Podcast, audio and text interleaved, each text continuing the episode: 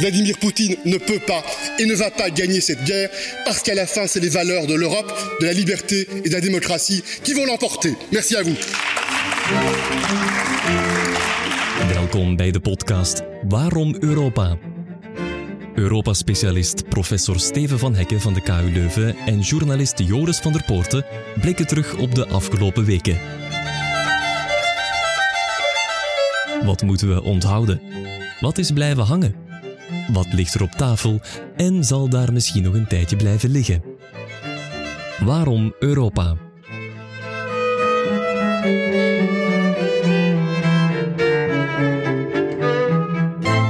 Ook in deze aflevering moeten we het vooral hebben over de oorlog in Oekraïne en de rol die Europa speelt. Hoeveel sancties zijn nog mogelijk? Gaat Duitsland ooit overstag gaan als het gaat over gasimport? Hoe snel wordt Oekraïne lid van de Unie? Blijft de Green Deal overeind? Verandert de houding ten aanzien van China? En wat gaat Viktor Orban doen? Vragen voor professor Steven van Hekken en zoals steeds ook een gast, Ria Lanen, Stevens collega en professor Russische en Eurasiatische politiek aan de KU Leuven. Dag Steven, dag Ria. Dag Joris. Dag Joris. Ik zou willen beginnen met een fragment van commissievoorzitter von der Leyen. Today, more than 40 countries apply sanctions like these. To take a clear stand is not only crucial for us in Europe, but also for the rest of the world. A clear stand against Putin's war of choice. A clear stand against the massacre of civilians. And a clear stand against the violation of the fundamental principles of the world order. Slava Ukraine. Von der Leyen bij de aankondiging van het inmiddels al vijfde sanctiepakket tegen Rusland, uitgevaardigd na de ontdekking van de gruwel in Bucha, waarmee de afgelopen maand april zowat is begonnen. We zijn nu enkele weken verder, Steven. Hoe is het ondertussen gesteld met de eensgezindheid in Europa? Zitten we nu aan de maximale inspanning op het vlak van sancties? Nee, helemaal niet. Er is nog heel wat mogelijk. Alleen is natuurlijk het laaghangend fruit al allemaal geplukt. De gemakkelijke sancties zijn al genomen. De moeilijke zitten nog in de pijplijn. Het hangt er een beetje vanaf wanneer die eventueel genomen zullen worden. Maar de beslissing zelf zal ook niet meer zo eenvoudig zijn. Op dat natuurlijk, wanneer de sancties de lidstaten zelf beginnen pijn te doen, dan komt natuurlijk de verdeeldheid, de interne en verdeeldheid binnen de Europese Unie weer de kop opsteken. Ja, weten we eigenlijk of en hoe die sancties aankomen bij de gewone Rus in de straatria? En of hij al dan niet de verantwoordelijkheid legt bij Poetin dan? Ja, het is deze dagen heel moeilijk geworden om te weten te komen wat de gewone Rus denkt. Eh, maar die sancties laten zich wel degelijk voelen. Dat betekent vooral grote prijsstijgingen van ook een aantal basisproducten. En daarover zijn de Russen ja, wel heel ontevreden. Maar er zijn toch ook wel heel wat Russen die blijkbaar meegaan in het verhaal van Poetin. Uh, dat dit eigenlijk allemaal het resultaat is van een anti-Russische stemming die in de internationale setting heerst. Ze leggen niet de verantwoordelijkheid bij Poetin zelf. Klopt, ja. Ja, er is natuurlijk niet alleen die gewone Rus, hè, er zijn ook de oligarchen. En misschien hebben die hun geld geparkeerd in een schermvennootschap, in een belastingparadijs. Maar ja, intussen zijn ze niet langer welkom in een voetbalstadion in Londen of op exclusieve feestjes aan de Côte d'Azur. Vinden ze dat lastig? Is dat niet te onderschatten? Symbolisch misschien? Dat heeft absoluut een symboolwaarde, maar misschien ook een beetje meer dan alleen een symboolwaarde. Die oligarchen waren toch wel echt gewend geworden aan een, aan een levensstijl die uh, veel verplaatsingen naar Europa inhielden. Dat betekende ook dat uh, ze vaak gingen shoppen op de Champs-Élysées voor luxe producten en dergelijke. En dat, dat moeten ze nu opgeven. Ze vinden het waarschijnlijk wel vervelend, maar niet zodanig vervelend dat dat betekent dat ze zich gaan samenkeren tegen Poetin. Want dat is ook wat er zou nodig zijn om echt een regimewissel tot stand te brengen. Zou het niet om een actie van één oligarch moeten gaan, maar zouden ze ook moeten samenwerken. En dat zien we helemaal niet gebeuren. Zij denken vooral aan het redden van hun eigen hachje. Ja, om terug te keren naar dat vijfde sanctiepakket. Ja, daarin onder meer een verbod op schepen uit Rusland of Wit-Rusland in de Europese havens. Een langere lijst met uitgesloten financiële instellingen. En een ban op steenkool uit Rusland, niet op olie en gas. We horen Christian Lindner, minister van Financiën uit Duitsland. Wir wollen schnellstmöglich unabhängig werden von Energieimporten aus Russland. Wir müssen scharfe Sanktionen vorsehen, aber Gas ist kurzfristig nicht substituierbar. Wir würden uns mehr schaden als ihn. Ja. We gaan onszelf meer pijn doen dan we de Russen gaan pijn doen. We horen steeds vaker die vragen, Steven, of het zin heeft sancties te nemen die het Westen meer gaan raken dan Rusland. Is de toon in Duitsland al wat minder fors geworden dan in het begin van de oorlog? De basishouding is dezelfde gebleven, denk ik. Dus de Duitse regering heeft een enorme bocht gemaakt enkele dagen na die fameuze 24 februari, toen Rusland Oekraïne is binnengevallen. Daar wordt niet op afgedongen. Maar nu zie je natuurlijk, als het op de implementatie gaat om de impact in Duitsland, dat de twijfel ook binnen de regering terug lijkt op te duiken. Uh, in het begin was men, uh, sprak men inderdaad heel forse taal. Maar nu natuurlijk de Duitse economie daar een zware prijs dreigt voor te betalen, misschien eventueel in een recessie zou terechtkomen. Als er inderdaad een volledige ban zou zijn op Russisch gas en olie, dan zie je dat de regering intern verdeeld is en dat extern van buiten de regering er ook heel veel kritiek is op die ambiguë houding van Duitsland. Je zei er net al uit, laaghangend fruit is eigenlijk weg. Nu wordt het moeilijk, hè? Ja, inderdaad, het wordt pijnlijk. En dan ja, eh, is het moment van de waarheid daar. Hè?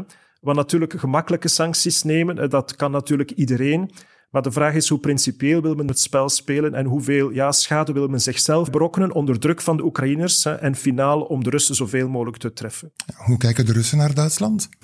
Wel, het officiële standpunt is dat uh, ja, die, die sancties uh, hen zeker niet van koers gaan doen wijzigen. Um, hoe zij naar Duitsland kijken, dat is, wel, dat is altijd al een heel belangrijke afzetmarkt toch voor hen geweest. Vooral van die, van die olie en gas natuurlijk. Um, dus zij moeten daar ja, toch ook wel beginnen over nadenken wat de mogelijke alternatieven doen. En dat doen ze ook heel actief. Um, het Kremlin doet heel vaak uitspraken van, ja, stel dat het toch zover komt dat um, er geen olie en gas meer kan uitgevoerd worden richting Duitsland, uh, dan hebben wij alternatieven in de oostelijke richting. Dan gaan wij zeker bijvoorbeeld meer gas naar China kunnen exporteren. Nu, anders dan de Duitsers wil de Nederlandse eurocommissaris Frans Timmermans vooral snel af van dat gas en olie uit Rusland. Hij is bevoegd voor de Green Deal en dit zei hij tijdens een toespraak in het parlement afgelopen maand. The war in Ukraine has only increased our sense of urgency because now nobody can find an excuse, in my view, to not speed up the end of the overuse of fossil fuels, to not speed up Europe's stronger reliance on its own energy production, which has to be solar, wind, biogas, uh, geothermal if we have it, but cannot, we cannot continue to import massive amounts of fossil fuels. For political reasons, we cannot be in a position to be blackmailed, but especially also because that's the only way we can fulfill the pledges we've made in Fit for 55. Heeft Timmermans gelijk, Steven? Ten gronde heeft hij zeker gelijk. De grote ambitie van de Europese Unie is om tegen 2050 een klimaatneutraal continent te zijn. En het afkicken van uh, fossiele brandstoffen, met name goedkoop Russisch gas en olie, is daar een integraal onderdeel van. Dus die doelstelling moeten we sowieso halen. Het feit dat we nu uh, Rusland, Poetin een lesje willen leren, kan eigenlijk een versnellingsmoment zijn, kan ons helpen om veel sneller dan voorzien die doelstelling te halen. Maar anderzijds zien we ook op korte termijn enorme fallout, uitval op andere beleidsdomeinen, met name het landbouwbeleid. De problemen die er zijn bij de bevoorrading, uh, de aanvoerlijnen van grondstoffen die ook nodig zijn uh, voor onze voedselproductie. De landbouwlobby heeft zich al geroerd en vraagt zich af, ja, is het nu het moment om ons om te schakelen naar een klimaatneutraal landbouwbeleid op het moment dat eigenlijk de klassieke landbouw meer dan ooit nodig is. En dat is natuurlijk een antwoord uh, dat door Timmermans veel moeilijker gegeven kan worden. En daar dreigt men natuurlijk, of is minstens de druk heel groot om toch wat op de rem te staan en om niet te snel te gaan met de maatregelen die in de pijplijn zitten.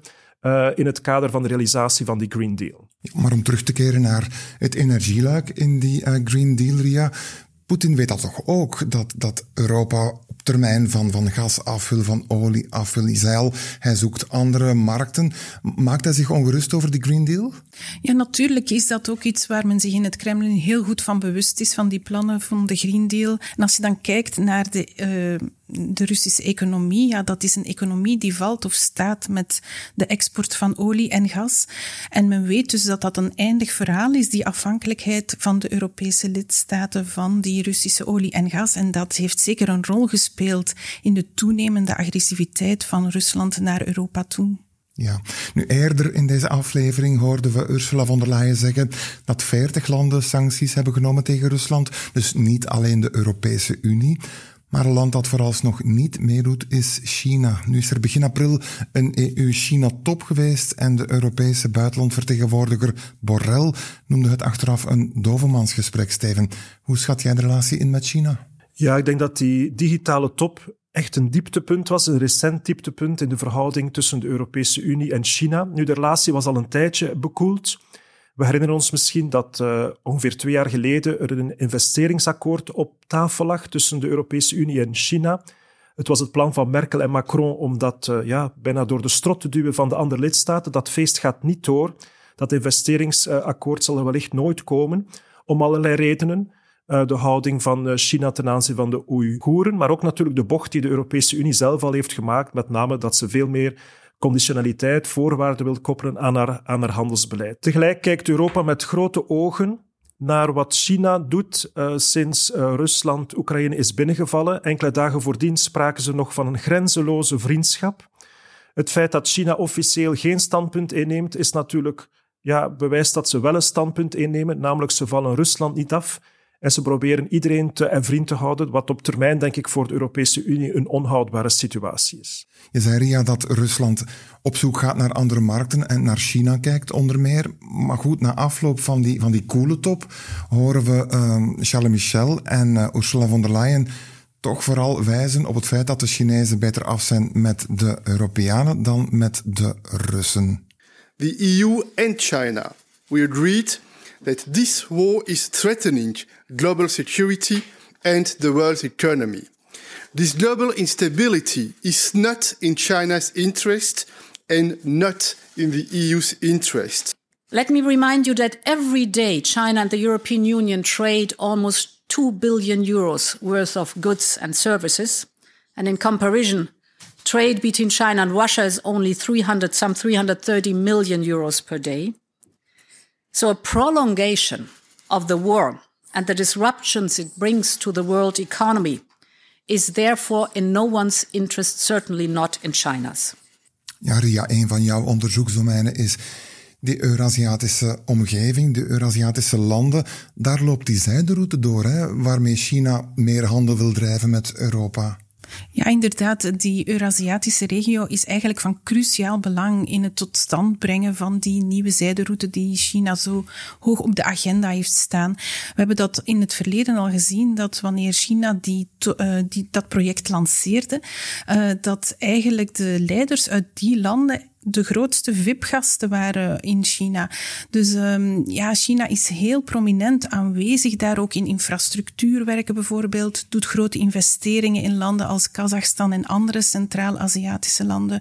Dus ja, eh, China houdt de situatie daar heel nauw in het oog. Maar dat geeft de Europese Unie toch extra argumenten nu om te gaan onderhandelen en, en die positie af te wegen tegenover de Russische positie? Misschien wel, maar ik denk eerlijk gezegd dat uh, de Europese uitspraken die we net hoorden, dat die niet zo ontzettend veel impact hebben op de geopolitieke houding van China. China probeert gewoon een heel pragmatisch buitenlandbeleid te voeren en zoveel mogelijk partnerschappen levend te houden, inclusief dat met Rusland. Maar goed, economie blijft altijd wel het sterkste argument toch voor de Europese Unie? Ja, als puntje bij paaltje komt wel. En dat is natuurlijk ook het enige echte wapen dat we hebben ten aanzien van China. Nu, het is ook een spel van wederzijdse afhankelijkheid die wellicht nog groter is in vergelijking met Rusland. We hebben het er net al over gehad. De Europese Unie is afhankelijk van Russisch gas en olie. Rusland is afhankelijk van onder meer Europese technologie, maar dat is eigenlijk klein bier in vergelijking met de wederzijdse handels- en betrekkingen tussen Europa en China. Dus zowel voor China, maar ook voor de Europese Unie komt het erop aan om die relatie op economisch vlak eigenlijk zo goed mogelijk te houden, ondanks de oorlog in Oekraïne.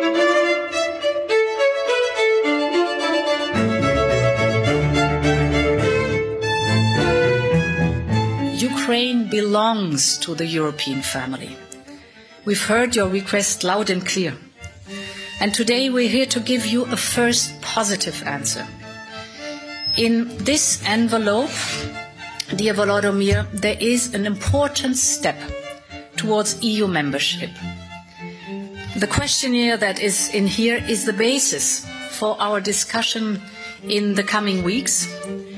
It is where your path towards Europe and the European Union begins. It will be not as usual a matter of years to form this opinion, but I think a matter of weeks. We'll be ready with answers, Ursula, in one week. Dat was eh, commissievoorzitter von der Leyen tijdens haar bezoek aan Kiev afgelopen maand. Ze gaf Oekraïns president Zelensky een zogeheten vragenlijst, een eerste stap richting EU-lidmaatschap en voegde eraan toe dat het geen jaren, maar enkele weken zal duren om die in te vullen. Het zal maar een week duren, horen we Zelensky nog zeggen. Steven, wat houdt zo'n vragenlijst in en, en wat is de betekenis ervan? Het had zeker iets knullig, alsof dat de Europese Commissie een enquêtebureau is die formulieren uitdeelt aan landen die bij de club willen horen. Maar fundamenteel is de positie van van der Leyen wel correct. Uiteindelijk zullen het de lidstaten zijn die beslissen, maar de Europese Commissie moet dat voorbereiden. Ze doet dat trouwens nu ook op vraag van de lidstaten. De lidstaten hebben aan de Commissie gevraagd om een stand van zaken te geven, wat het toekomstperspectief is van Oekraïne in de Europese Unie. En dat hoort in die eerste fase met name dat Oekraïne op een aantal vragen moet antwoorden. De commissie kan dat in haar rapport opnemen en dan zelf een voorstel doen. Uh, de Europese Raad, dat zal in mei, juni landen. De eerstvolgende stap, en dat is inderdaad een kwestie van weken, maanden, geen jaren, is dat Oekraïne eventueel officieel kandidaat-lidstaat zou kunnen worden van de Europese Unie. Daar is het von der Leyen en Zelensky om te doen. Maar nogmaals, het zullen de lidstaten zijn die daar finaal over gaan. En welke vragen staan daarin? Ja, dat gaat om de comptabiliteit tussen uh, wat de Europese Unie natuurlijk wil en wat Oekraïne uh, nog moet bewerkstelligen. Of ze bereid zijn om grootschalige hervormingen door te voeren op vlak van hun democratisch systeem. We weten, het, het is een notoir en corrupt land. Er is nog heel veel werk. Een economisch systeem moet aangepakt worden. Ze moeten bereid zijn een wetgeving helemaal overhoop te halen. Dus eigenlijk gaat het om een soort intentie en verklaring. Zijt je bereid om aan een heel lang en lastig proces te beginnen? Ria, we weten dat Poetin tegen NAVO-lidmaatschap is, maar hoe staat hij tegenover lidmaatschap van Oekraïne bij de Europese Unie? Wel, daar is hij zeker ook niet gebrand op, uh, want dat betekent eigenlijk in C dat Oekraïne van een ander economisch blok uh, lid zou gaan uitmaken. En dat is precies waar het Poetin ook al heel lang om te doen is uh, met wat hij in Oekraïne wil bereiken. Hij wilde eigenlijk Oekraïne heel graag bij de Eurasiatische Economische Unie, een groot project dat hij heeft gelanceerd toen hij aan zijn nieuwe termijn als president begon. En toen Oekraïne daar daar niet um, wilde op ingaan, ja, dat is eigenlijk de aanleiding geweest voor het opdrijven van de druk naar uh, Oekraïne toe. Bottom line gaat het toch steeds over economische belangen. Hè? Inderdaad. Ja. Zijn er nog andere Eurasiatische landen die Europese ambities hebben die richting EU kijken? Wel, ja, de acties van Moskou, uh, ja, die helpen daar zeker bij. Hè? Dat een aantal landen heel erg gaan overwegen waar zien wij onze toekomst? Hoe kunnen wij ons beter misschien ook beschermen tegen toenemende Russische agressiviteit. En um, ik denk dan vooral aan landen als Georgië en Armenië, die toch al uh, veel meer richting Europa kijken. Misschien ook Moldavië. Um, alhoewel we daar uh, in het verleden al hebben gezien dat dat sterk kan wisselen. Het een moment kijkt men heel sterk richting Rusland en bij een nieuwe regering weer heel erg richting Europa. Zoals het in Oekraïne eigenlijk ook was, hè? Ja, zo, daar is het ook heel lang uh, in die zin heen en weer gegaan. En hoe is het onder ondertussen met de ambitie van Servië? Want ja, zij waren op een bepaald moment toch wel heel hard in de richting van de Europese Unie aan het kijken. Is dat vandaag nog zo?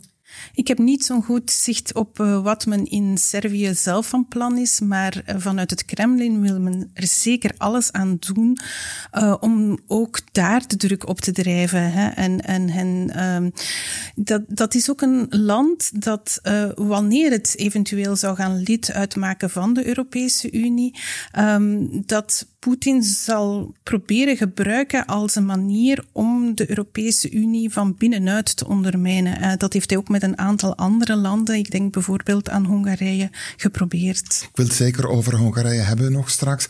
Maar Steven, eerst Servië nog. Ehm, hoe staan de Serviërs tegenover eh, de Unie vandaag? Servië is al kandidaat-lidstaat, is ook aan het onderhandelen. Samen met Montenegro zijn die eigenlijk het verst gevorderd om uh, ooit lid te worden van de Europese Unie. Maar daar is nu toch een kink in de kabel, want inderdaad, Servië is de uitzondering die de regel bevestigt dat alle Europese landen zich scharen achter de sancties van de Europese Unie.